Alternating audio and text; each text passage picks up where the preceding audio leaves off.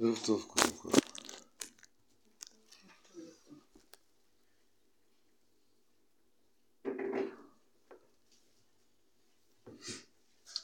אה, יציאת מצרים מלווה אותנו מאוד, זאת אומרת, שם נולדנו,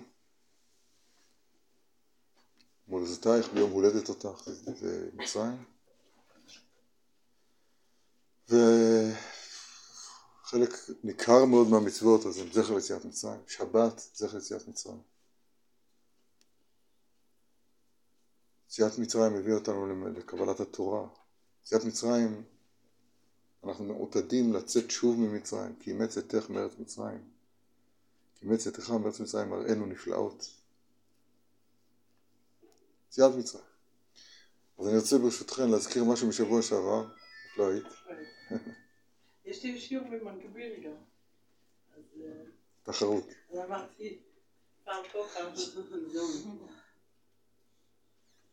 אז אני אזכיר משהו שלמדנו פעם קודמת, ונראה עוד נקודה שהיא, לפי דעתי, זה ממש, זה היסודות ממש, זה ממש היסודות, ואולי זה נשמע בתחילה, בשמיעה ראשונה זה נשמע מאוד מאוד גבוה מאיתנו, אבל בניסיון שלי, אם אפשר לומר, אז זה, זה ישים, זה, זה דברים שהם שייכים אלינו ממש.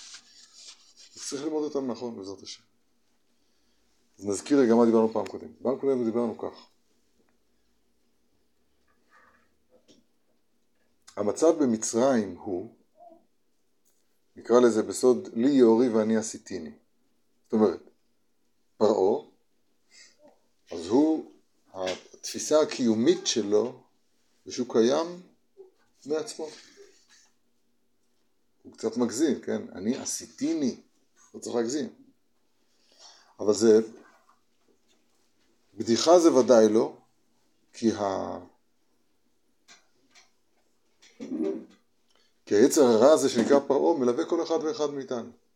יש לך בני לדעת, כותב הרמב"ם לבנו באיגרת, יש לך בני לדעת, כי פרעה מלך מצרים הוא היצר הרע באמת. זאת אומרת, התחושה שלנו שאנחנו קיימים מצד עצמנו בתחושה, אפשר להגיד דרשות, אמונות וסיסמאות, אבל התחושה הבסיסית המלווה את עצם קיומנו, אנחנו עומדים על רגלינו שלנו ואנחנו קיימים.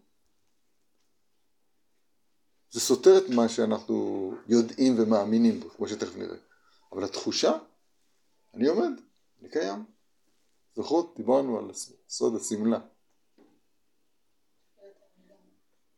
כן, תכף נגיע לתפילת המידה. אה, זה טוב, זאת אומרת, זה, זה, לא, זה לא המצב האמיתי, אנחנו לא נמצאים בעולם האמיתי, נמצאים בעולם השקר, אבל החלק הטוב שבזה, בעמידה שלנו לרגלינו שלנו, הוא שאנחנו התברכנו במעלת הבחירה, זאת אומרת, אנחנו אחראים לבחור איך שנבחר, זאת אומרת, הבחירה שלנו היא באחריותנו. אני רק רוצה להזכיר, פשוט לא כולן היו, אז אני מדבר בלשון גם, גם מהירה וגם חדשה.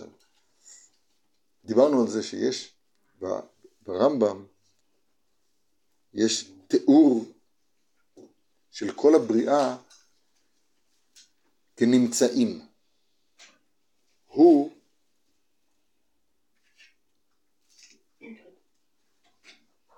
הוא נקרא ברמב"ם מצוי, אנחנו נקראים נמצאים.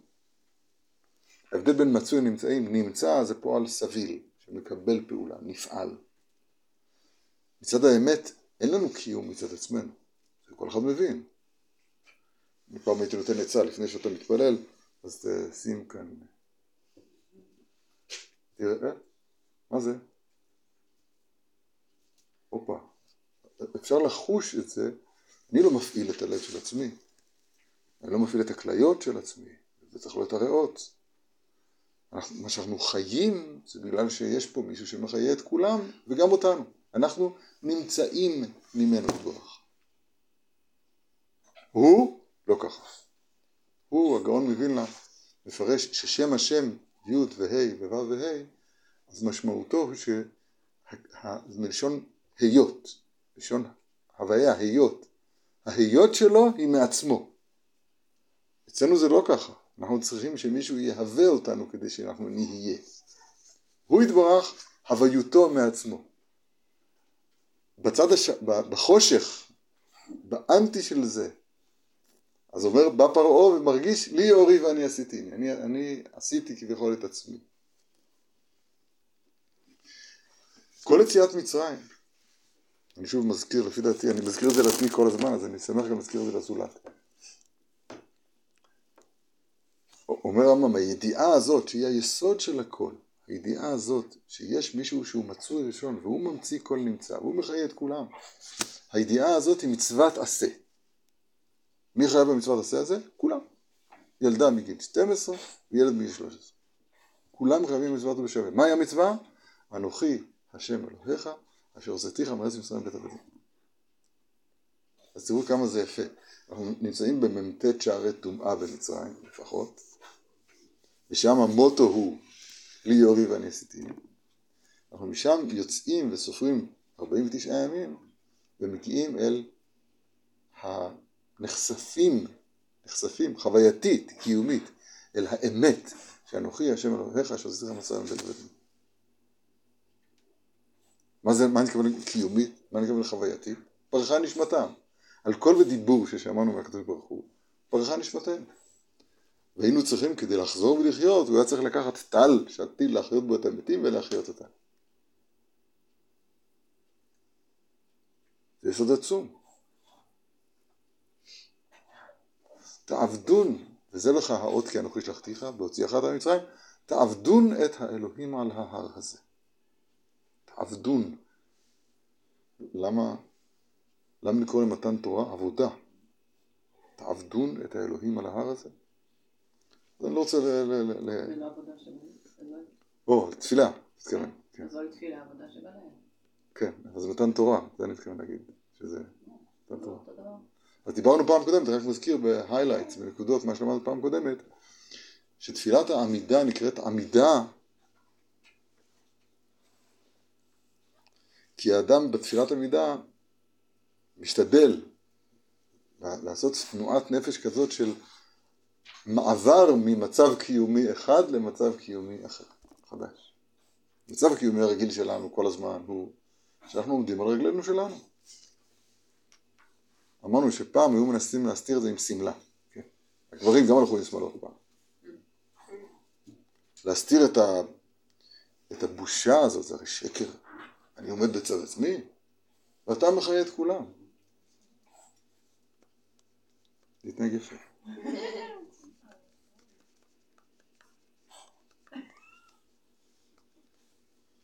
זה, זה בושה ל, ל, להיות, לחשוב שאני קיים מצד עצמי, זה, זה אחד הדברים הכי מביכים שיש. אני קיים מצד עצמי. אני אזכיר, ותכף נגלוש לקריאת, לפרשת השבוע שלנו זה, זה קריאת ים סוף, בשלח. אז אני אזכיר מה שאנחנו אומרים בסידור, הנה הסידור, במיוחד בשבילי, לבת ישראל עם שם השם כמו שצריך.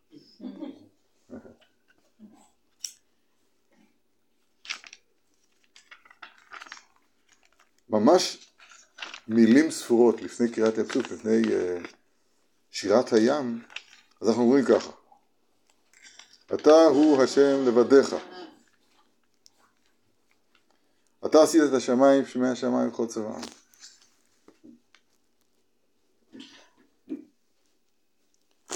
ברוך אתה ה'.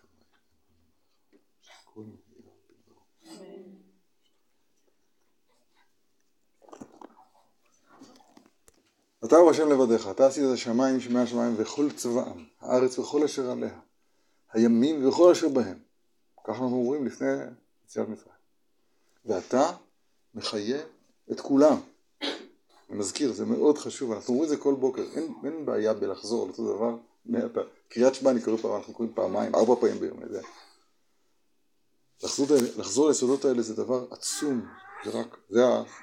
ככה זה ייכנס לנו ללב. אז אני אומר את זה שוב, אבל זה טוב לשמוע את זה. עוד פעם, הקדוש ברוך הוא עשה את הכל. השמיים שמי השמיים וכל צבאם, הארץ וכל אשר עליה, הימים אשר בהם. והוא, אתה, מחיה את כולם. וצבא השמיים לך משתחווים.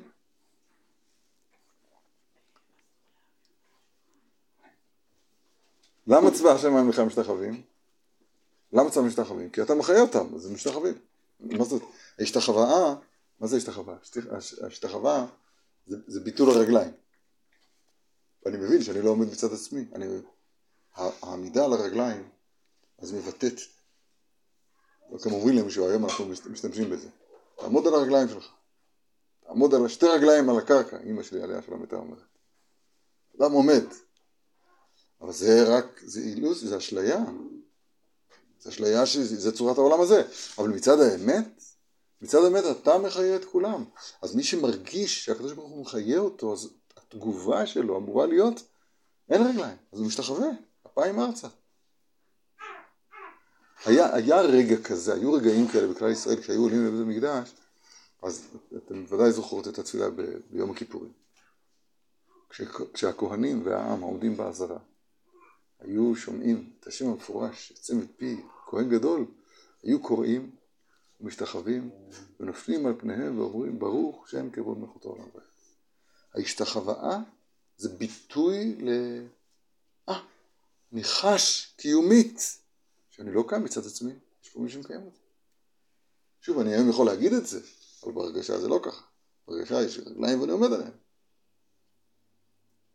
אז צבא השמיים מבינים את העניין. אז כיוון שאתה מחיה את כולם, אז לא פעם, אז, צבא השמיים לך משתחווים.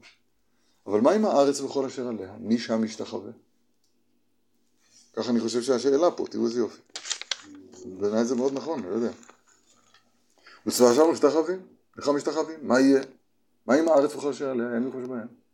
התשובה היא, אתה הוא השם האלוהים אשר בחרת באברהם, והוצאתו מאור כסדים, ושמת שמו אברהם, ומצאת את לבבו נאמן לפניך, וחרות עמו הברית לתת את ארץ הכנעני, החיטי, האמורי והפריזי, והבוסי והגרשי וזרעו, ותקם את דברך צדיקת. אברהם אבינו נבחר להיות המשתחווה של כל הבריאה כולה. אנחנו, בניו, בני אברהם, יצחק ויעקב, שרה, רבקה, רחל ולאה, אה, בלהה וזלפה, כן? אנחנו בני האבות והאימהות הקדושים, אז אנחנו אמורים להיות אלה שמבינים שכיוון שאתה מחיה את כולם, אז אנחנו לך משתחווים. להשתחווה ונשובה עד כה. אתן זוכרות, הכל בזכות השתחוויה.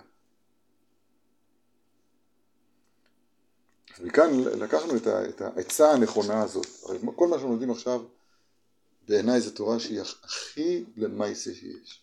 אין יותר דבר מחייב מהדברים הגבוהים שאנחנו לומדים אותם עכשיו. זה הכל יישומי ממש.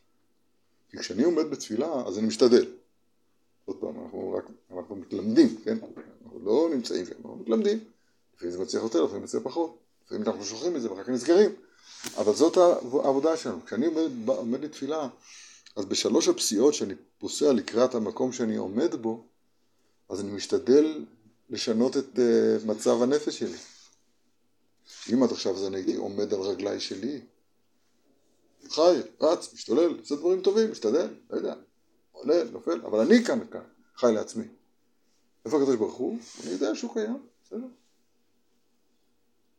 אבל כשאני פוסע שלוש, שלוש, פסיעות בתפילה, אז אני משתדל לשנות את מצב נפשי בתחושה קיומית אמיתית. אני עומד, זה תפילת עמידה, אני עומד עליו, זאת אומרת הוא המקיים שלי, הוא מקומו של עולם. הוא מקומו, כן? תפילה, התפילה צריכה להיות לפני המקום ברוך הוא. עד עכשיו הייתי במקומות שלי, אצלי בבית ואצלי בקול שלי, אבל אפילו בבית כנסת שלי.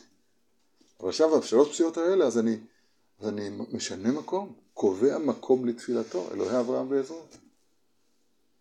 כן, זה דיברנו על זה פעם קודמת, אני אמרתי קצת וריאציה על הנושא הזה.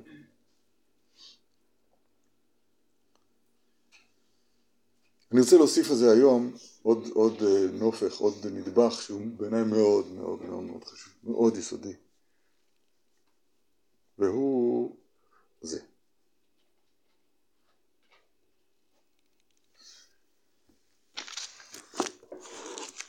בכל פרשה שהיינו הייתי, הייתי, הייתי מוצא משהו ששייך לזה, כי זה יסוד שכולל את הכל, בפרשה שלנו, בפרשה שלנו זה מאוד מאוד בולט. אחרי שאומרים אה, מה שאמרנו, בסידור, אחר, אחר כך אומרים ככה, הנה ותר את עוני אבותינו במצרים, ואת זעקתם שמעתי עליהם סוף. ותיתן אותות ומופתים בפרעה ובכל עבדיו, וים בקעת לפניהם, ויעברו בתוך הים ביבשה, ואת רוצים את המצוות כמראה ומים. אז הנה, ויושע השם את ישראל, ביום ההוא את ישראל מן המצרים. ואז באמצע השירה אנחנו משבחים ואומרים כך: ימינך השם נעדרי בכוח.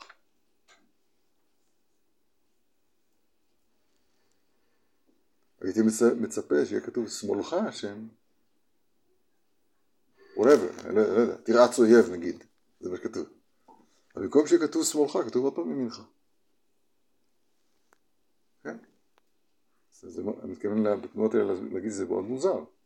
ימינך השם נעדרי בכוח, ימינך השם תרעץ אויב. פעמיים ימין? לאן נעלמה השמאל? רש"י שואל את זה. חז"ל שואלים את זה, כל אחד שואל את זה. אז רש"י אומר, כשישראל עושים רצונו של מקום, אז גם השמאל הופכת לימין. אני אסביר. הכלל הוא שימין מקרבת ושמאל דוחה. ככה ההנהגה. ההנהגה היא כזאת שיש פה איזון בין, בין, בין התקרבות להתרחקות. שמאל, ימין ושמאל. אבל כשישראל עושים רצונו של מקום, אז גם השמאל מתהפכת לימין. גם השמאל מצטרפת לקירוב. בחיבוק הגדול, בחיבוק הגדול של, של שיר השירים, אז שמאלו תחת לראשי וימינו תחבקני. גם השמאל, אז היא מצטרפת לחיבוק. במקום שתהיה שמאל דוחה, אז שמאלו תחת לראשי וימינו תחבקני. זה החיבוק הגדול שאנחנו כל כך מחכים, מייחלים לו, כשאנחנו אומרים שיר השירים. עכשיו את הנקודה הזאת שלמד, שהזכרתי עכשיו, אני רוצה להסביר את נקודת העומק שבה, ובעיקר לראות איך זה ישים לכל אחד ואחת מאיתנו. בכלל אמרתי את זה, אני חושב שבדור שלנו יש משהו, משהו פלאי. עם כל הבלבול וה, וה, והחושך וה... לא יודע איך לתאר את המצב, של, את המצב המשונה של הדור שלנו. יש אפשרות לשמוע דברים מאוד מאוד גבוהים ואפילו לגעת בהם למעשה. זה, זה, זה נפלא, זה מדהים בעיניי, אבל לראות שזה, שזה עובד. אפשר לשמוע דברים שבדורות קודמים לא דיברו עליהם. דורות קודמים חיו קרבת אלוקים ברמה אחרת לגמרי, כן? אנשים בכו בתשעה באב. זה היה הגעגועים, הקרבת אלוקים שהייתה לאנשים, הייתה הרבה יותר, היה עולם אחר לגמרי בקיצור, לא נדבר על זה עכשיו. כשנגיע לתשעה באב ונצטרך לדבר, אז נדבר על תשעה באב. אבל בתוך כל החושך שנמצאים בו עכשיו, החושך, הפסוק אומר, כי עיני החושך יכסה ארץ, וערפל ללאומים, אבל ועלייך יזרח השם וכבודו עלייך יראה. בתוך החושך הזה, אז, אז יש אפשרות שלכל בני ישראל יהיה אור במושבותם. אז אני רוצה לגלות פה סוד, שאני חושב ש, שבאמת אפשר להבין אותו, אפשר להבין אותו.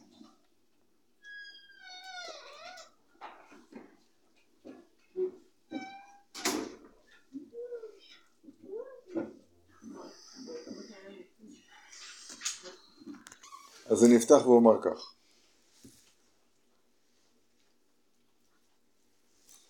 אנחנו מכירים, ההתייחסות שלנו אל העולם היא, נקרא לזה, חד-ממדית. ההתייחסות שלנו לעולם היא, היא, אנחנו תופסים את העולם כעולם מסוים. עכשיו אני אסביר את זה יותר. בבית המקדש הראשון, אז כשהיו חותמים את הברכות, היום אומרים על הברכה ברוך אתה השם, ברוך הוא שמו נגיד, יכולים לדעת, אמן. בבית המקדש היו אומרים, ברוך אתה השם, אלוהי ישראל מן העולם, יכולים לדעת, והיו, אבל במקום אמן היו אומרים, ברוך השם כבוד מותו עולם בית. אבל היו אומרים מן העולם. בבית שני התקינו שיאמרו מן העולם ועד העולם. אז מכירים שני עולמות. למה? מה קרה בבית שני?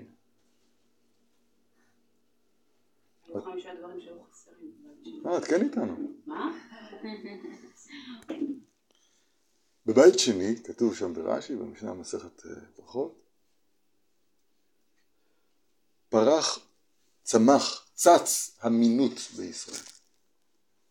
כוח חדש, רע, אויב, שהכוח הזה מכריז ואומר אין עולם אלא אחד. זאת אומרת, המציאות היחידה שקיימת היא זאת הנתפסת בחושנו ובשכלנו ואין בלתה. אין עולם אלא אחד. לכן במקום מה שהיו אומרים עד עכשיו, ברוך השם אלוהי ישראל מן העולם, תקנו לומר מן העולם ועד העולם. להוציא מליבם של צדוקים, של מינים, שהיו אומרים אין עולם אלא אחד. עד אז, אז היה בתפילת שמונה עשרה, surprise surprise, שמונה עשרה ברכות. תפילת שמונה עשרה, שמונה עשרה ברכות, אתה גימרת שמונה עשרה ושמונה עשרה. אבל רבן גמליאל ובית דינו ראו, בזמן, עוד בזמן בית שני ראו, שהמינות, הכוח הזה של מינות, צמח מאוד מאוד בישראל, ולא הייתה צרה יותר גדולה מישראל, בישראל מאשר צרת המינות. לא, רגע, לא חסרון הדעת, לא המחלות, לא, לא הגלות, הבעיה המרכזית של עם ישראל שהייתה בדור ההוא ועד עצם היום הזה, תכף נדבר על הדור שלנו, הייתה הבעיה של פריחת המינות בישראל. מה זה מינות? זה אותו כוח ש, שמנסר בחלל העולם ומחנך את כל העולם כולו שאין עולם אלא אחד. תכף נרחיב בזה. עכשיו האמת היא, כשאני מתאר לעצמי שעכשיו שומעים אותי, אומרים מה, מה, מה הוא רוצה? מה הוא רוצה? באמת, אין עולם אלא אחד. כאילו, מה, על מה אתה מדבר? אנחנו בתודעה שלנו עולם הבא זה לעתיד לבוא. עכשיו אנחנו בפרוזדור, עדכן עצמך בפרוזדור, כדי שתיכנס לטרקלין. מתי? אני יודע. כמה עוד יש? עושים חתרי חשבונות, תשפ"ג, עוד כך וכך, נגמר. אנחנו תופסים את, את העולם הבא, האחר, זה עולם שיבוא אחרי העולם הזה. אבל בעולם הזה, לא הבנתי. זה מה יש, על מה אתה מדבר? אחד מסימני הדור שבן דוד בא בו, כמו שכולם ודאי יודעים, חוץ פייסגה, בן קם באביו, קלה בחמותה, יוקר יעלה, כולם שמעו את זה הרבה פעמים. אחד הדברים המפורסמים שם, זה המלכות כולה תהפך למינות. היום התודעה של, שלי, של כולנו, היא התודעה הפשוטה שאין עולם אלא אחד. תכף אני אנסה להסביר במה דברים אמורים, אבל כאילו אין בזה שום הפתעה, ודאי, אין עולם אלא אחד. עולם הבא, אנחנו מאמינים שיבוא אחר כך. אז אני, אז אני אנסה להסביר את זה קצת יותר בעומק, ואחר כך נחשוב איך זה, איך זה שייך לעולמנו שלנו, בסדר?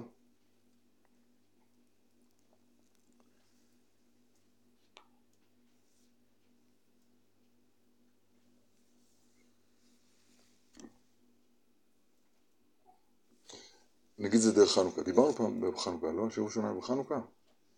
כן? אז אני אזכיר. כשנכנסו יוונים להיכל, טימאו את כל השמנים שבהיכל. אני אסביר. ההיכל הוא ה... משם נברא האדם, אבן השתייה, משם מושתת העולם, משם נברא האדם. הבית המקדש כולו הוא בצור, בצורה של אדם. יש שם,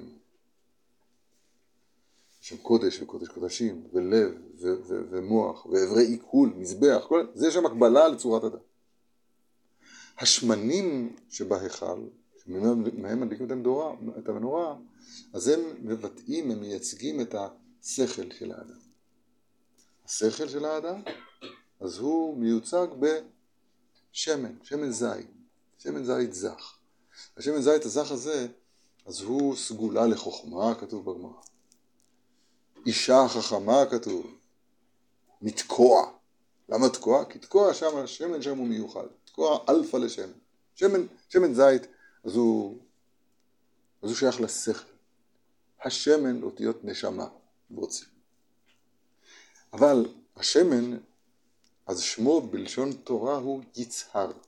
נכון? בגנך, תירושך, ויצהרך. יצהר צוהר, מה זה צוהר? צוהר זה פתח בין המקום הסגור, או אבן טובה, או פתח, כאילו חלון. נכון. נכון מאוד. יצהר, צוהר זה, זה חלון, זה, זה דהיינו, יש פה דבר סגור, כמו התיבה, צוהר תעשה לתיבה, ועכשיו כדי שהתיבה הזאת יהיה לה פתח אל מחוץ לעצמה, אז צריך לפתוח לה צוהר. צוהר תעשה לתיבה. למשל, צהריים, אנחנו אומרים צהריים, זה הזמן במשך היום שבו, שבו כל החלונות פתוחים? כל הצהרים פתוחים. זה, זה צהריים, כל הצהרים פתוחים. השמן, שמן הזית, אז הוא אמור לבטא את השכל שלנו, אבל בצורה הטהורה שלו. נכון, תרגום של צהריים זה טיהרה, זה נכון? טהור. וט' וצ"תי מתחלפות בלשון הקודש. טהור פירוש הדבר, ש... מה זה טמא? טמא זה דבר שהוא סגור בתוך עצמו. אטום זה אותו שורש. אה, טום-טום זה שאיבריו מכוסים. מטמון, כל דבר שהוא סגור בתוך עצמו נקרא טמא. צוהר, צוהר זה דבר שהוא היה סגור, טמא, אטום בתוך, מצד עצמו, כמו התיבה, ועכשיו נפתח צוהר אל מחוץ לתיבה.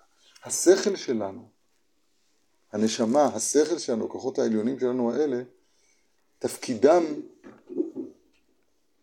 לפתוח צוהר מהעולם הגבולי שאנחנו נמצאים בתוכו אל הנשגב. הנשגב זה עין, פירושו של דבר, אותה מציאות שהיא אותו עולם שהוא מחוץ לנתפס. אני בלשון שלי אני קורא לו נשגב. בפילוסופיה קוראים לזה, קוראים לו טרנסצנדנטי, אבל נשגב זה יותר יפה. אבל בכוונה אמרתי את המילה הזאת, כי אני רוצה להסביר, אני לא אומר עכשיו סיסמאות או שירים, אני מדבר על דבר שאנחנו מחויבים לדעת אותו ולחיות על פיו. עוד פעם, השמן, השכל האנושי, אמור לפתוח צוהר ביני, שאני איש העולם הזה, אני רואה ואני שומע ואני מריח ואני טועם ואני ממשש ואני חושב. זה מה יש.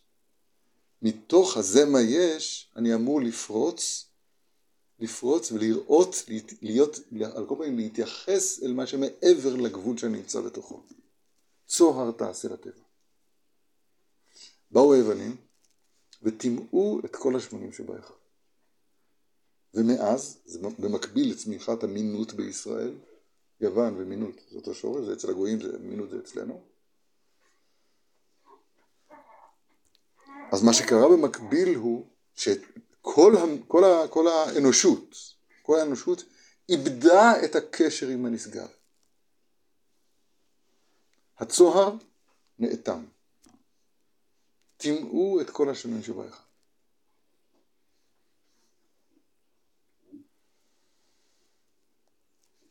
עכשיו עוד צעד אחד, בסדר?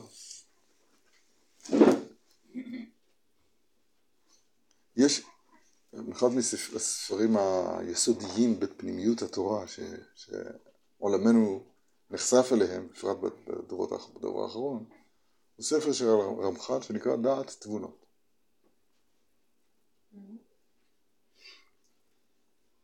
בספר הזה מתואר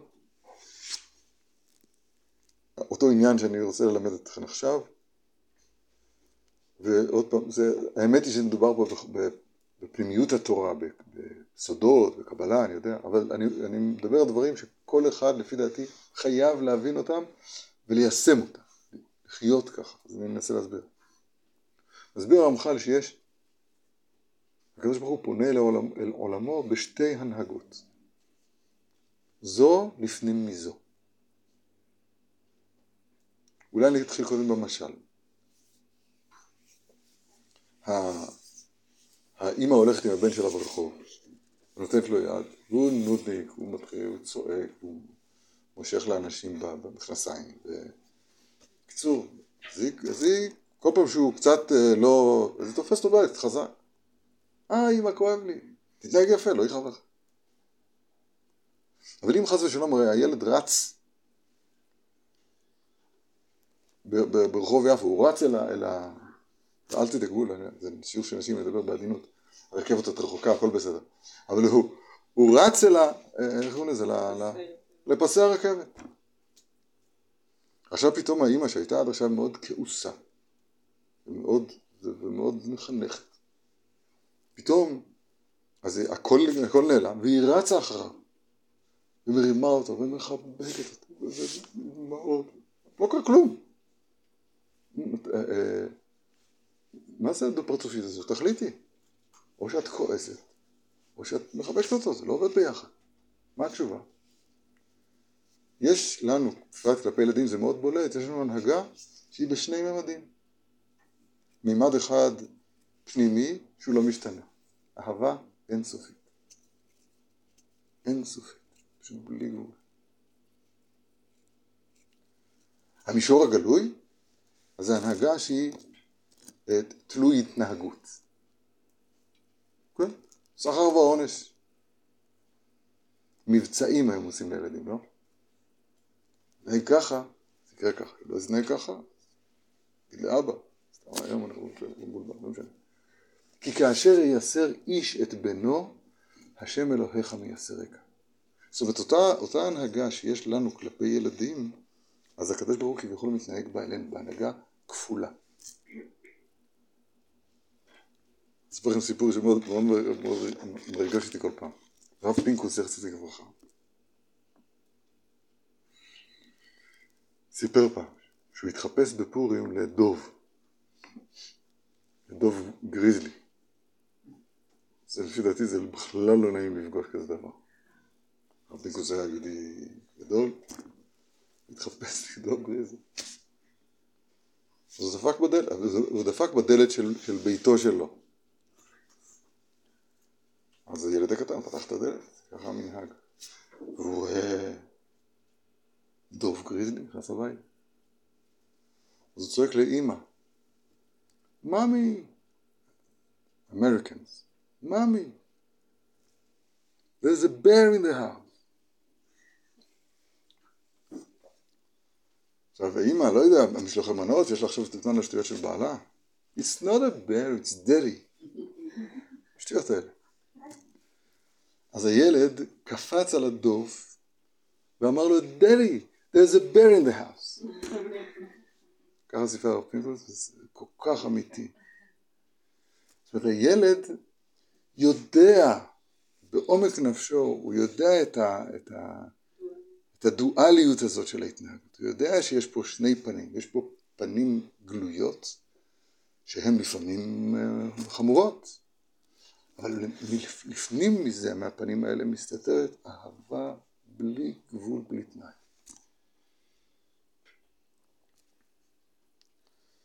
הרמח"ל קורא להנהגה הגלויה הנהגת המשפט. במזוזה שיש פה ודאי בדלת, ויש פה ודאי, בכל, בכל בית של בית יש, יש, יש מזוזה, אז ההנהגה הזאת מיוצגת בפרשה השנייה. הפרשה השנייה אומרת ככה והיה. שימו לב לאצבע. והיה. אם שמוע תשמעו למצוותיי, לאהבת השם אלוהיכם, ולעבדו בכל לב ובכל נפשכם, ונתתים את ארצכם בעיתו, יורה ומלקוש. וספת את דגניך, תירושך ויצריך. נתתי עשב בשדך לבנתך, ואכלת ושבעת. אז אמרת, עשיתי את זה ביד הלא נכונה. עשיתי את זה עכשיו ביד הנכונה. מה? כן. אגיד את זה עוד פעם. ויין שם, אה, אמרתי את זה כבר, כן, אבל ביד ימין. אחר כך יישמרו לכם, ונפתה לבבכם. מסרתם. ועצר, ולא יהיה. מן הארץ הטובה, מעל הארץ הטובה. ההנהגה הזאת, שנקראת הנהגת המשפט, היא הנהגה גלויה כלפינו, היא מיוצגת בפרשה השנייה של קריאת שמע, כמו שמופיעה במזוזה וגם בתפילין, כמו שאנחנו אומרים פעמיים ביום. זו הנהגה אחת, הנהגת המשפט. לפנים מההנהגה הזאת, יש הנהגה שהרמח"ל קורא לה הנהגת הייחוד, או הנהגת הרחמים. ההנהגה הזאת היא ההנהגה של, היא, היא הנהגה סתומה, היא לא נגלית. היא בעצם, היא בעצם גם מתלבשת אה, אה, בהנהגת המשפט. כי אם, אם הנהגת המשפט הייתה לבד, אז אדם היה עושה עבירה, וזהו, הוא היה מתייבש לגמרי, זהו, אין מדבר. והוא רחום, יכפר עוון, ולא ישחית, על שבעה פה, ולא יעיר כל חמתו. למה? כי גם הנהגת המשפט הזה היא מונהגת מהנהגת הרחמים. גם כשהאימא כועסת על הבן שלה, אז היא לוחצת, בסך הכל היא עושה תנועות עם הפרצוף. קצת, היא לא עושה, נכון, העונש הוא תמיד גם כן מהול ברחמים, בהנהגת המשפט. אבל הנהגת הרחמים עצמה, אם היא מתגלה, אז יש פה רק, רק חיבוק אינסופי וגילוי של אהבה אינסופית. זה הנהגת הייחוד. קל לשמוע שהיא מיוצגת במזוזה בפרשה הראשונה. השם אלוקינו, השם אחד. שני עולמות יש, מן העולם ועד העולם. יש העולם הזה, שאפשר להצביע עליו באצבע ולומר זה. אני תופס אותו בחושיי, רואה, רואה שומע, מריח, טועם, משש, מבין בשכלי. זה העולם הגבולי המוכר לנו, כאן אנחנו גרים, זה העולם הזה. יש עוד עולם, לא לעתיד לבוא, עולם שהוא, שהוא מצוי כל הזמן, רק אין לנו בו תפיסה חושית, לא בחושים, לא בשכל, העולם הזה הוא נשגב, אבל נשגבותו לא מכחישה את קיומו, הפוך, העולם הזה זה עולם ההוויה וההפסד, היום כאן מחר בקבר. אבל העולם ההוא, העליון, עולם האמת, אז הוא קיים בעצם נצחי. הוא קיים מעבר לכל גבול נתפס, אבל הוא קיים לגמרי.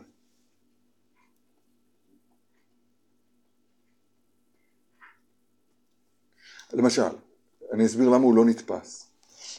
בעולם שלנו, העולם הגבולי, אז אחד, זאת אומרת, מה המאפיינים המרכזיים של העולם הגבולי? זה המקום והזמן. זאת אומרת, כל דבר יכול להיות או כאן או כאן, לא יכול בשני מקומות. כל דבר הוא מוגבל לקואורדינטה, כן? איפה הוא נמצא בדיוק? קו אורך כזה, קו אורך כזה. זה גבול של מקום. גבול גבול שבזמן, יש עבר, יש הווה, נגיד, ויש עתיד. אבל כל זמן הוא עומד לגמרי בצד עצמו. העולם הזה מאופיין, המסגרת הגבולית שלו, שאנחנו צריכים להגדיר אותה, זה מקום וזמן. זה מובן מה שאני אומר? אותו עולם נשגב, אז הוא מעבר לזמן. למשל שם, למעלה, בנשגב, אז היה והווה ויהיה. בבת אחת. מי שמבין את זה, צריך אשפוז. זאת אומרת, אי אפשר להבין את זה מתוך עולמנו שלנו, כי אין לנו, אין לנו תודעה על זמנית.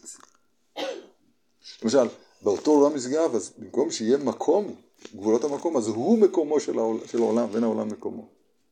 אני רק מנסה ל, ל, לרמוז איך אותו עולם נשגב, אז הוא מתנהג, הוא, הוא לא כפוף לתפיסה המצומצמת שלה, אותו עולם נסגר.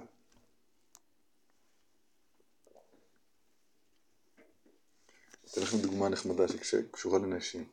הגמרא אומרת שנשים, המשנה אומרת שנשים חייבות בתפילה. אתה אומר, רגע, יש לנו כלל, תפילה זה מצוות עשה, ולעובדו בכל לבבכם. זה מצוות עשה שהזמן גרמה היא תלוית זמן, ערב ובוקר וצהריים, אסיך ואמה וישמע קולי. מצוות עשה שהזמן גרמה, אם אין לימוד מיוחד, נשים פטורות. למה נשים חייבות להתפלל? שאלת הגמרא, שאלת הגמרא.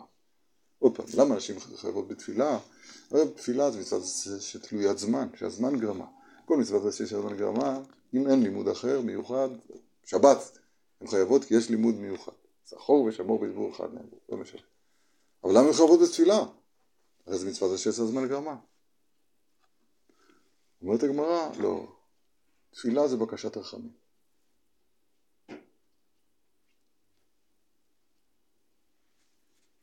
מה?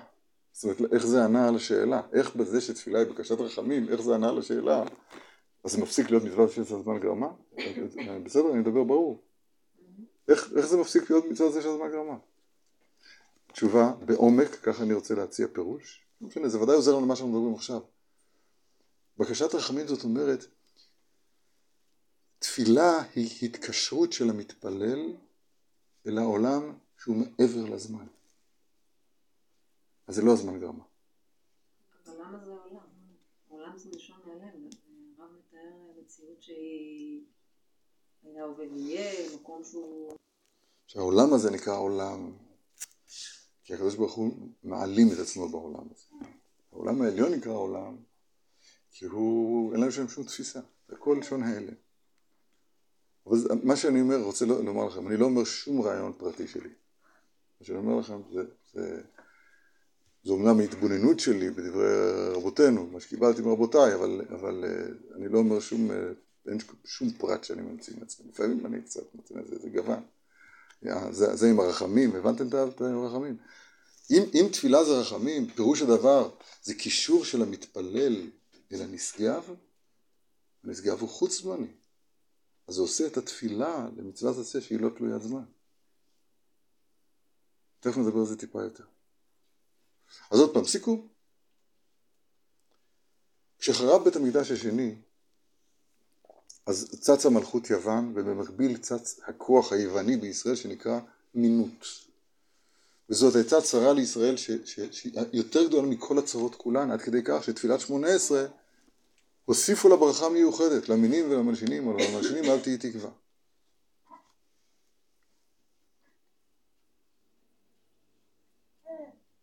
מה זאת אמינות? אמינות, ושוב אני מדבר על הדור שלנו, שהמלכות כולה נהפכה למינות.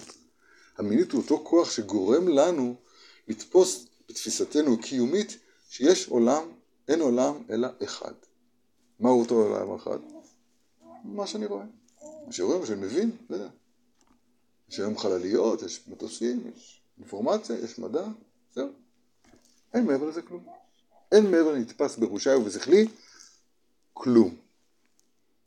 זה, זה עם, עם, עם הטומאה הזאת, אנחנו, אנחנו, אנחנו אמורים להתמודד. איך? אני לא יודע איך. אני יודע. אני מתכוון להגיד, צריכים למצוא מה עושים. איך, איך יוצאים מה, מהדבר הנורא הזה. אז רגע, לפני שנאמר את הפתרון ממש, אני רוצה לחזור לשירת הים. ב... כאן, לפני שירת הים, הקדוש ברוך הוא אומר למשה רבנו, מה תצעק אליי? דבר אל בני ישראל וייסעו. זה לא עת, ל... כן? לא עת להתפלל, דבר אל בני ישראל וייסעו. כתוב בספר הזוהר, מה זאת מה תצעק אליי? אם, אם לא עכשיו מתי? אם זה לא הזמן להתפלל, מתי הזמן להתפלל? כתוב בספר הזוהר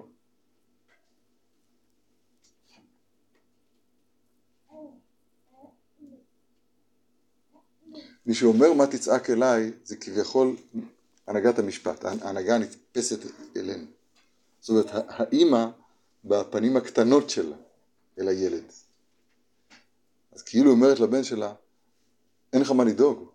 מרגע זה ואילך, מי, ש... מי שפונה אליך זה הנהגת הרחמים האינסופיים. אין לך מה לה... לפנות אליי כאילו בבקשות, אולי כן, אולי לא. מידת הרחמים השלמה, העליונה, אז היא, הרחמים הגמורים, הרחמים הגדולים, אז היא לא צריכה את הבקשות שלך. אני אתנהג, את ההבטחות שלך, אני אתנהג יפה, לא אתנהג יפה. זה מעבר לחשבונות. מה תצעק אליי? אומרת כביכול הנהגת המשפט. דבר בני ישראל. בזוהר זה נקרא בעתיקה תליא מילתא. זאת אומרת, זה תלוי בהנהגה הפנימית העליונה של הרחמים הגמורים. בקריאת ים סוף מתגלה, מתגלים אותם פנים נעלמות ששם אין שמאל. זוכרות שאלנו מקודם, מנחה השם ידבר בכוח, עכשיו, שמאלך השם? לא, ימינך השם תירץ אויב. פעמיים ימינך? התשובה, בקריאת ים סוף, אז הדבר, זה הדבר השני שרציתי להרוויח במפגש שלנו היום. בקריאת ים סוף מתגלה הפלא העצום הזה, שהקדוש ברוך הוא לפעמים מגלה כאן בעול, בעולמנו שלנו את הנהגת האהבה האינסופית שהיא לא תלוית מעשים.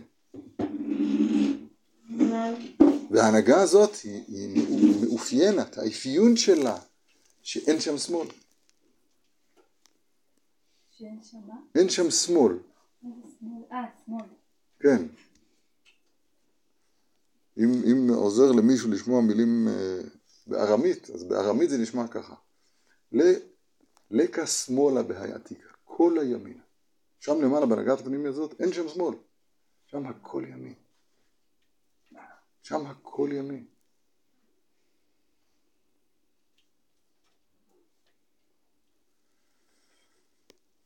איפה זה פוגש אותנו? אני אגיד לך איפה זה פוגש אותנו. אקרא לכם גמרא.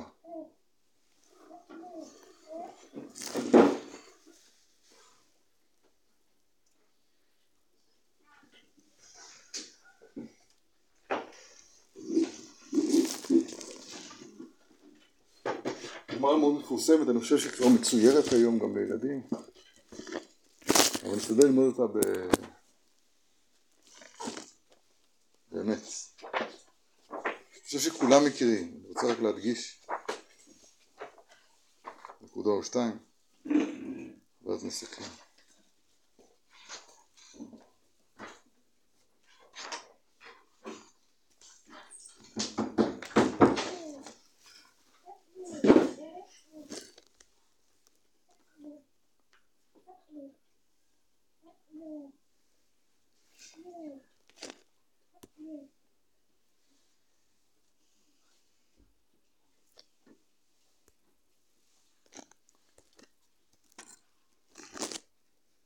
יש לשמוע? כן? אל תדאגי.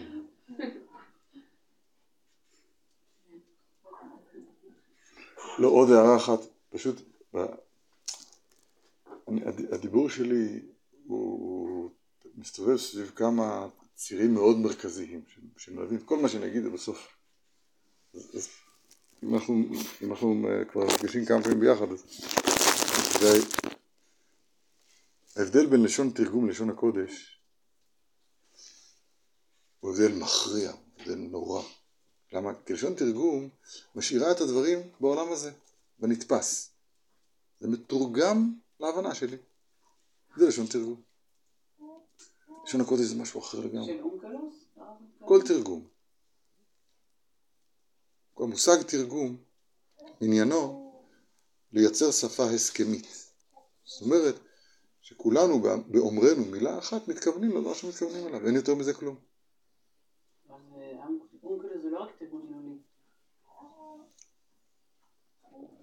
חבל, לפני השיעור דיברנו מידת הסבלנות.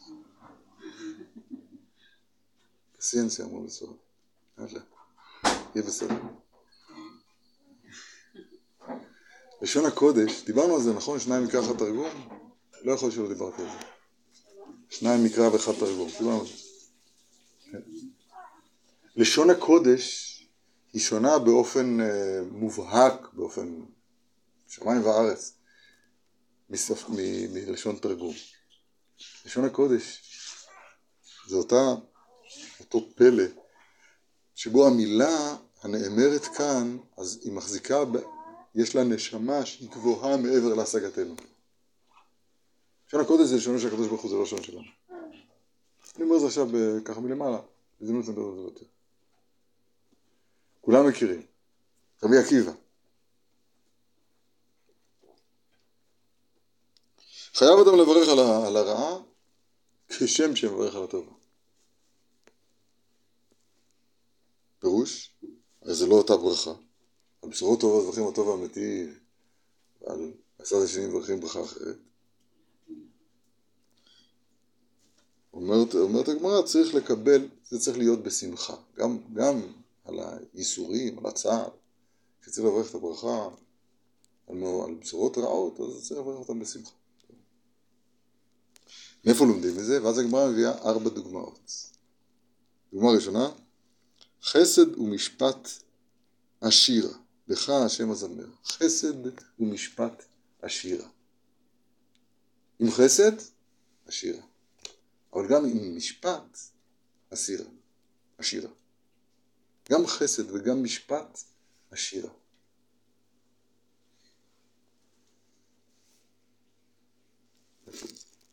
איפה...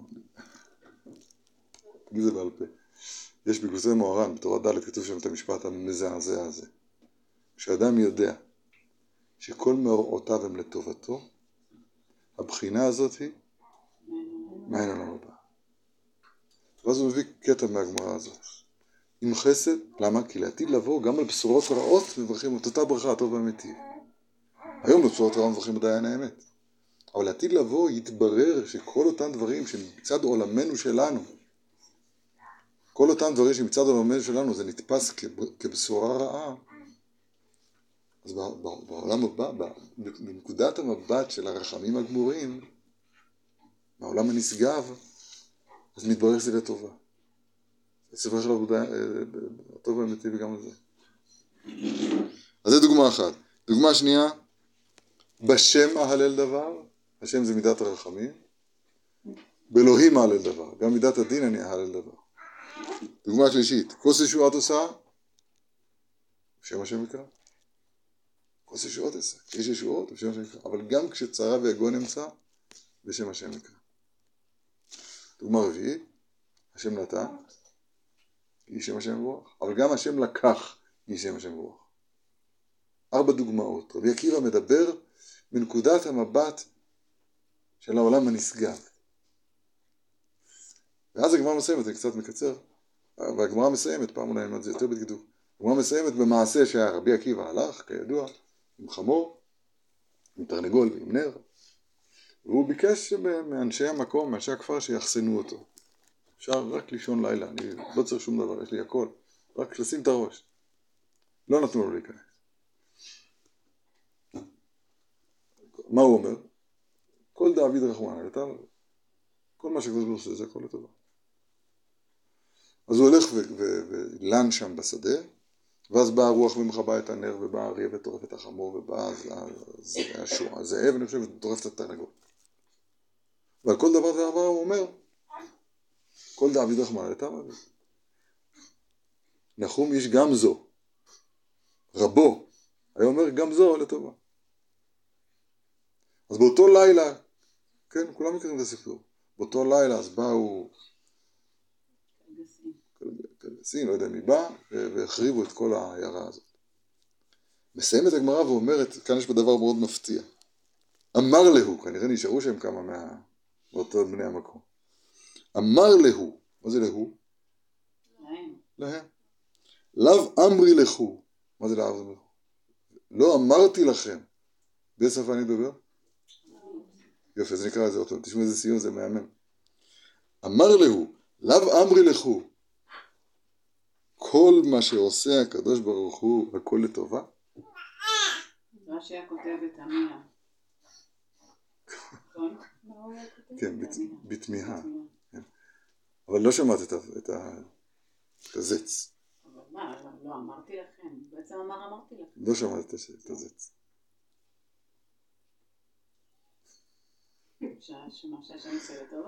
לא שמעת את הזץ. את צריכה להניח, זאת הנחה, אנחנו כבר אה, אה, מדברים אה, כמה פעמים ביחד, נכון? אני יכול לדבר או לא? תלוי.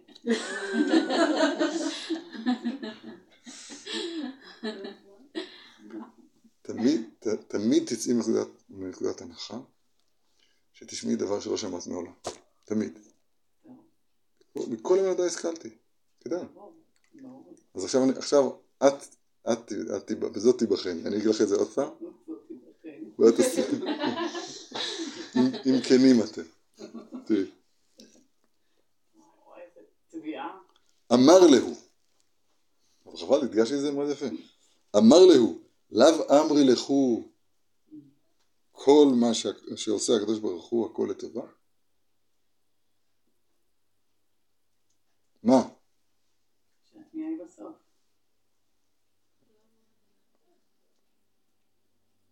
זה היה כאילו קביעה, המשפט הראשון. אני אגיד את זה בצורה אחרת, בסדר? זה שונה. Didn't I tell you כל מה שהקדוש ברוך הוא עושה הכל לטובה? הוא מתחיל בארמית. הוא עובר לשון הקודש. אני לא יודע איך להקדיש את זה יותר מה שעשיתי עכשיו נשמע את זה עוד פעם. לאו אמרי לכו. באיזה שפה זה? ארמית כל מה שהקדוש ברוך הוא עושה הכל לטובה הוא עבר לעברית ללשון הקודש הוא עבר ללשון הקודש אני שומע פה דבר אני כשראיתי את זה אני מאוד אה, השתוממתי אנחנו תופסים את המציאות מצד לשון תרגום כמו שאנחנו תופסים אותו את העולם הזה ומצד האמת הכל פה הכל פה לטובה, הכל פה בלשון הקודש, הכל, כל מה שמתרחש כאן. כל העולם כולו זה דיבורים של הקדוש ברוך הוא. לעולם השם דברך ניצב בשמיים. בדבר השם שמיים נעשו. הכל זה דיבורים שלו. הדיבורים שלו, הדיבורים שלו זה לשון הקודש. ולמעשה כל מה שהקדוש ברוך הוא עושה זה הכל לטובה. סיכום, בש, בשתי דקות הלכה למעשה, ולילה טוב. הסיכום הוא כזה. הכוח של אמינות שבדור שלנו הוא מאוד מאוד מאוד מאוד חזק. גורם לנו את ההרגשה השקרית הזאת שאין עולם אלא אחד. האמת היא שיש עולם שהוא נשגב. הארי הקדוש אומר שהעולם הזה נקרא עולם הבא. למה הוא נקרא עולם הבא? לא שהוא יהיה לעתיד לבוא, שהוא יבוא, שהוא יבוא אחר כך, אלא זה אותו עולם נשגב שהוא הולך ובא אלינו. אותו נשגב שפונה אלינו, רק אנחנו אוזנינו וליבנו אטומים מלשמוע. עינינו ודאי סומ, סומות מלראות. אבל העולם הזה הוא קיים, ומי שמטה אוזן, תכף, כמו שניתן שתי דקות עצות תכף, אז העולם הזה בא אליו. ואמרנו ששתי ההנהגות האלה כתובות ברמח"ל, אחת נקראת הנהגת המשפט, אחת הנהגת הרחמים, הנהגת הייחוד. הן מבוצעות בקריאת שמע. השם אלוקינו השם אחד, זאת הנהגת הייחוד, זאת האהבה של האימא לבן שלה, שהיא אוהבת ומחבקת ולא עושה איתו שום חשבונות, אהבה בלי גבול. בשיעורים שלנו אני אומר לא- לאבא, אבל זה לא משנה. כאן אני אומר לאימא. טוב.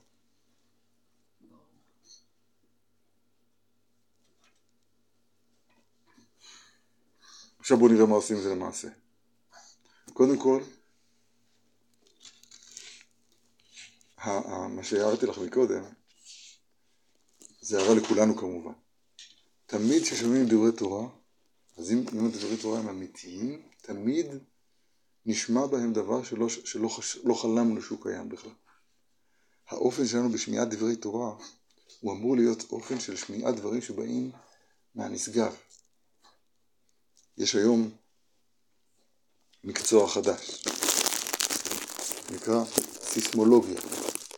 מה זה סיסמולוגיה? תנודות שכן, זה ססמולוגיה. הארץ. כן, סיסמולוגיה זה תורת הסיסמאות. זאת אומרת, שזורקים סיסמאות באמונה או בכל מיני דברים כאלה, בהתחזקות, אבל אין להם גיב, גיבוי ממשי. חושב שזה גם טוב, מי שצריך לעשות את זה טוב לו.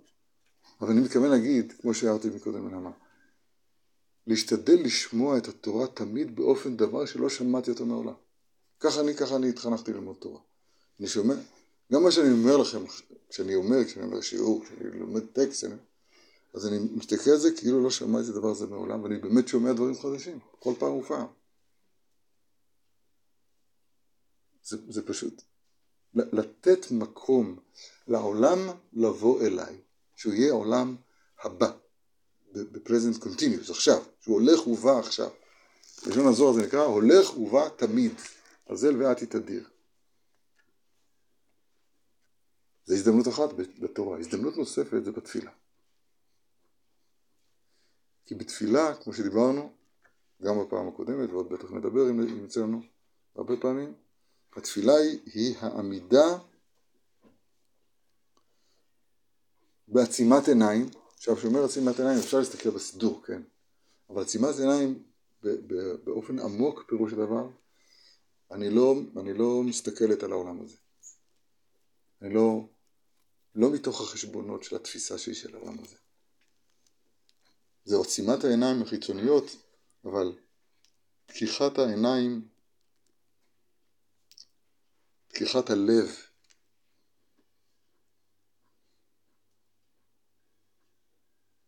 יש ראייה ויש חזון. הגאון מווילנה מסביר במשלי. ראייה זה, זה בדבר הנראה החיצוני, מה שהעיניים רואות.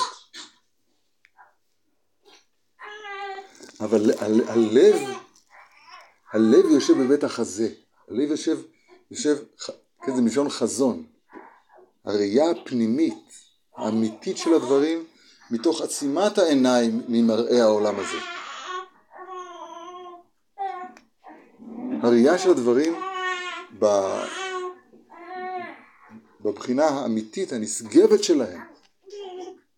הקדוש ברוך הוא ליבן של ישראל. נקודת המבט, הח- החז...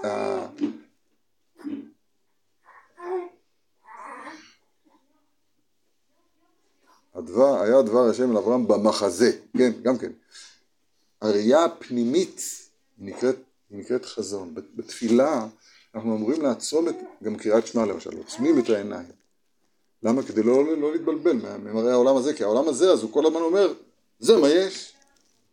העולם הזה מה יש. כן, כאילו, זה, זה הטענה של העולם. אנחנו משתדלים בתפילה, בקריאת שמע, בנקודות של, לא יודע, בהדלקת נרות. ברגעים של, של, של, של, של בכל זאת התבודדות, אני לא יודע איך לקרוא לזה, אבל צריך, חייבים להכניס את זה לחיים שלנו. להתנתק מחיזוד העל, מה זה נקרא, ממראה העולם הזה, ולהסתכל על הדברים בצד הפנימי העליון הנשגב שלהם. זה לא קל, כי אנחנו, האמינות כל כך השתלטה עלינו, והדעה הרעה הזאת שאין עולם אלא אחד כל כך, כל כך, זאת הצרה הכי גדולה שאנחנו נמצאים בה, כלפי עבודת השם. אז זה לא קל, אבל ברור לי לגמרי שמי שיבין את הדברים לאשורם כמה שהוא יכול, ויתחיל לעבוד איתם לאט לאט, כל פעם קצת, אבל לא לוותר. אבל פשוט זה, זה ידיעה שהיא משנה חיים. דיברנו על הדמעות גם, את זוכרת? נכון? על הדמעות דיברנו. לא נרחיב בזה עכשיו. בסדר? אז התקדמנו עוד בעבודת התפילה שלנו. אחד, מה שלמדנו פעם קודמת, חזרנו קצת היום, שתפילת העמידה, זאת אומרת, להיות נמצא ולא מצוי. אני מעמיד את קיומי, איך הוא שר אביתר? ליפול על זרועותיו של אב הרחמה. יש כזה שיר? יש כזה שיר. ליפול על זרועותיו של אב הרחמה. נכון כל כך. זה, זה דיברנו פעם קודמת וקצת היום. והיום הוספנו שיש רובד של המציאות שהוא קיים לגמרי.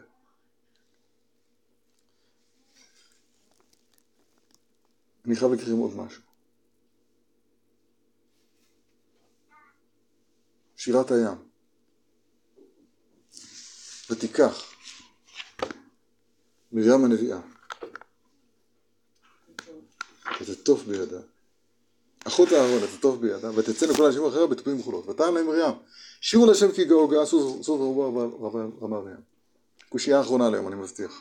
קושייה אחרונה להיום אני מבטיח. ותיקח מרים הנביאה אחות אהרון שתי שאלות. למה להזכיר את זה שהיא נביאה? זה לא מוזכר בשום מקום אחר. שאלה שנייה, אחות אהרון? מה חסר פה? ומשה. אומרת הגמרא במסכת סוטה, לא משנה, רש"י מביא את זה כאן אני חושב. אומרת הגמרא, כן. לא. לא? לא. נכון. מה אומרת הגמרא?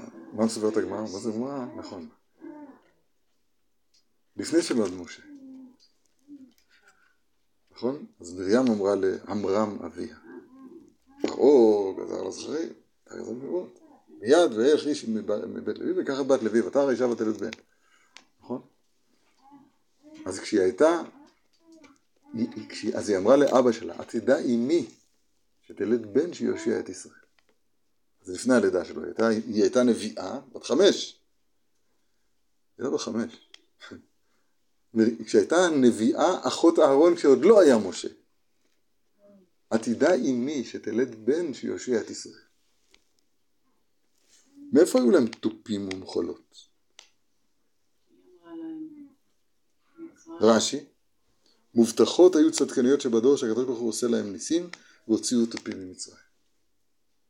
הכוח של האמונה הוודאי, לא הפילוסופי, לא הסיסמולוגי, הכוח, כוח האמונה הממשי של, של ל- ל- לארגן תופים לפני שיוצאים ממצרים, הוא כוח שהוא מיוחד לאישה יותר מאשר לאיש. הכוח של ההתחברות אל הנשגב, כמו שלמדנו היום, בתפילה, תפילה לומדים מחנה. הכוח להתחברות אל הנשגב גדול אצל האישה יותר מאשר אצל האיש. האיש ממונה על, על, על החשבונות, על הדעת של העולם הזה. דעת קלה, זה יש בזה גנאי ושבח. דעת זה דבר מצוין. אבל אומר הרמב"ם, אני הבטחתי שאני לא זה. אומר הרמב"ם, מה זה, איפה עומדת נקודת היראה? כשאדם עומד מול, עומד מול תמים דעות, עומד בדעת קלה, שפלה, אפלה מול תמים דעות. נקודת היראה, נקודת ההתבטלות כלפיו יתברך, מחייבת דעת קלה. כשאני תופס שדעתי קלה כלפיו, שהוא תמים דעות, כך אני מתחבר אליו יותר. בקיצור, האישה יש לה את כוח ההתחברות אליו יתברך. יותר מאשר לאיש. וזה, מה שאני אומר עכשיו זה, זה כמעט סיסמה, זה צריך ללמוד את זה ולהעריך בזה, אבל אה, נא להאמין שזה כך. זה, לא, זה לא אמירות שלי בכלל. טוב, היום דיברתי קצת מבולבל, אבל זה נש. גם אחות אהרון, כי עדיין משה לא היה.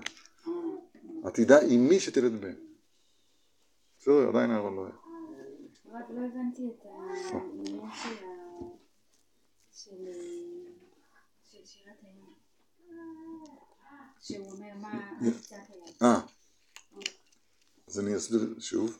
בשירת הים, בדרך, באופן, עוד פעם, הנהגת הרחמים, הנהגה העליונה, היא לא מתגלה כאן כמו שהיא. הנהגת הרחמים היא אהבה בלי חשבון. והנהגת העולם הזה היא הנהגה שהיא תמיד עם חשבון. אז זה לא שאין פה גילוי למידת הרחמים, כי, כי גם כשהאימא כועסת על הבן שלה, אז זה ברחמים, זה תמיד, עושה הרבה קולות, הרבה רעש, בסוף היא, זה, זה, זה יהיה תמיד בעדינות, נכון? ברוך הוא מכפר עוון, ולא ישחית, תרבה להשיבה פה, ולא ירקול חמתו. גם כשצריך להתעורר חמאה, זה בעדינות. כי הנהגת הרחמים כל הזמן, אבל הנהגת הרחמים לעצמה, בלי חשבון, היא לא מתגלה בעולם הזה. בקריאת ים סוף היא התגלתה. ימינך ימינך, אין שמאל. עוד פעם, בקריאת ים סוף, ולא דרך תפילה. בלי, ולא דרך תפילה, לא דרך שום דבר, בלי שום תנאי. עזבי רגע את התפילה. את, את המשפט הזה הבנת? מתגלה מידת הרחמים, האהבה האינסופית, בלי שום תנאי, מתגלה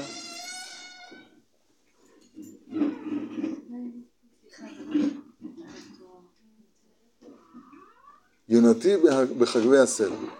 כש, כש, כשהנחש בחגבי הסלע והנץ מאחוריהם, פרעה מאחוריהם והים לפניהם.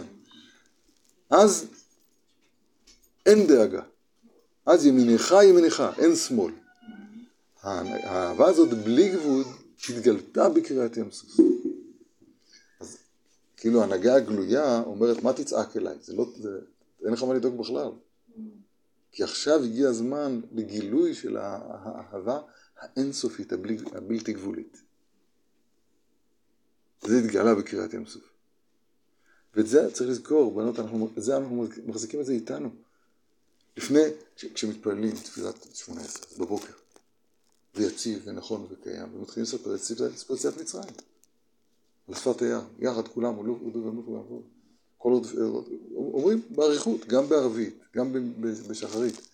קריעת ים סוף, צריך לזכור את זה, קריעת ים סוף ויציאת מצרים, הם, הם מלווים אותנו כל הזמן. אנחנו צריכים, הבנתם באיזה, באיזה מובן הם מלווים אותנו.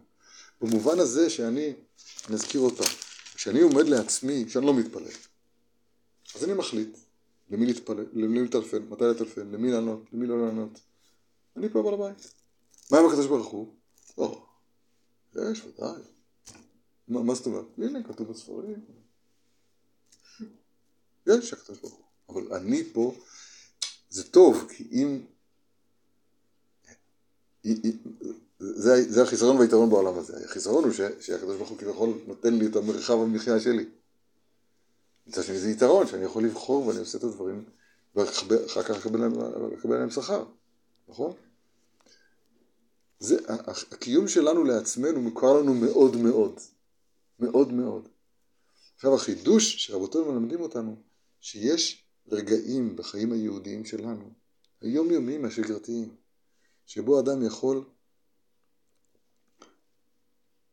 לגעת לרגע, לכמה דקות, בקיום האמיתי שלו, בהשתחוויה כלפיו יתברך.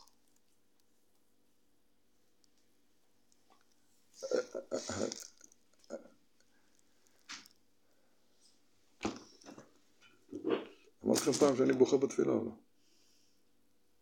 צריך לבכות בתפילה, לא לבכות על הצרות. זה עניין אחר. המ- המצ- העמיד- העמידה הזאת בתפילה, הוא אמור להיות מצב מרגש. עכשיו זה לא קל, כי אנחנו כל, כל כך נמצאים עמוק במינות שאין אין עולם אלא אחד, ולכן המצוות שלנו הן מצוות שהן לצערנו רובוטיות, גם טוב במה שיש, מצוות אנשים מלומדה, אבל, אבל אפשר, אפשר, ואני חושב שלנשים זה הרבה יותר זמין ונגיש מאשר לגברים. אפשר לעמוד, אבל בשביל זה יש כמה, כמה עצות טכניות מאוד מאוד פשוטות. קודם כל תעצרי את הזמן. לא יודע אם שמתי לב, אני אמרתי ככה, תראו, תסתכלו טוב. תעצרי את הזמן.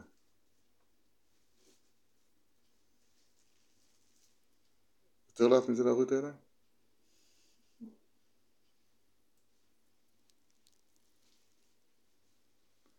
כי הזמן הוא אויב. כלפי, כלפי המידה, המצב הנפשי הזה, הזמן הוא אויב, זה נורא. עכשיו אני יודע שזה קשה, כי, כי, כי, כי יש משהו בתנור, ואני יודע, אני מבין, בסדר, זה, זה העבודה, העבודה היא לפנות זמן, שאת, את לא יודע, אם את יכולה, תעשי את הדלקת הנרות, תשימי זה, לא יודע, תפילת נעילה. אפשר, אפשר בנות, אפשר. אני מכיר את הלחץ, אני פה, אני, אני מכאן, אני גם בלחץ, הכל בסדר. אפשר לעשות תפילת נעילה. שהבעל, שהילדים ידעו. עכשיו אם מתפלל תפילת נעילה בהדלקת נרות. תפילת נעילה, אתם מבינות מה אני מתכוון, כן? אין עולם. או, אחת תעשה את זה, לא יודע, ברכות השחר, אני לא יודע, כמה, שאת יכולה. אבל יש, לא להפסיד את זה. אני מרגיש שלהפסיד את זה, להפסיד את החיים. להפסיד את זה, להפסיד את החיים. וכשמתחילים כשמתחילים לגעת בזה, אז אפשר להוסיף יותר ויותר.